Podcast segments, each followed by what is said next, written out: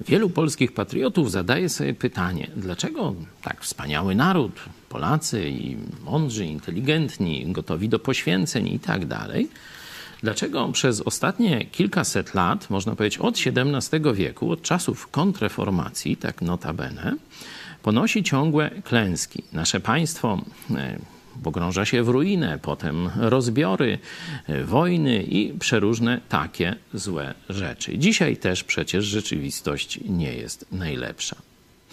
E, wielu ludzi, zderzając się z tym problemem, no, mówi: Nie wiemy. No, ja wam pokażę, co mówi Biblia o losie innego narodu, no, bardziej wybranego niż Polacy, czyli o losie narodu żydowskiego. Otwórzcie sobie drugą księgę królewską w Starym Testamencie, trzynasty rozdział, pojawia się tam kolejny mm, król, e, kolejny, można powiedzieć, zły król, który rządzi zgnuśniałym, bałwochwalczym narodem. Czynił, to drugi werset 13 rozdziału, czynił to, co złe w oczach Pana, naśladując grzechy i tak dalej, i tak dalej. Czynił naród, jego król, jego władza, czynili to, co złe w oczach Boga. No i zobaczcie werset trzeci. To też rozgorzał gniew Pana na Izraela i wydał ich w moc Hazazela, króla Aramu, i w moc Ben-Hadada, syna Hazaela, przez cały ten czas. Przez cały ten czas.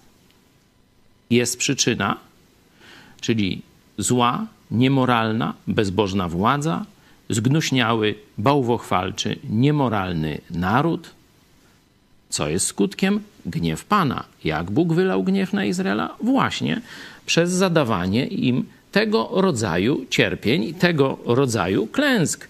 Wojny i to wojny długotrwałe. Cały czas Izrael się kurczył.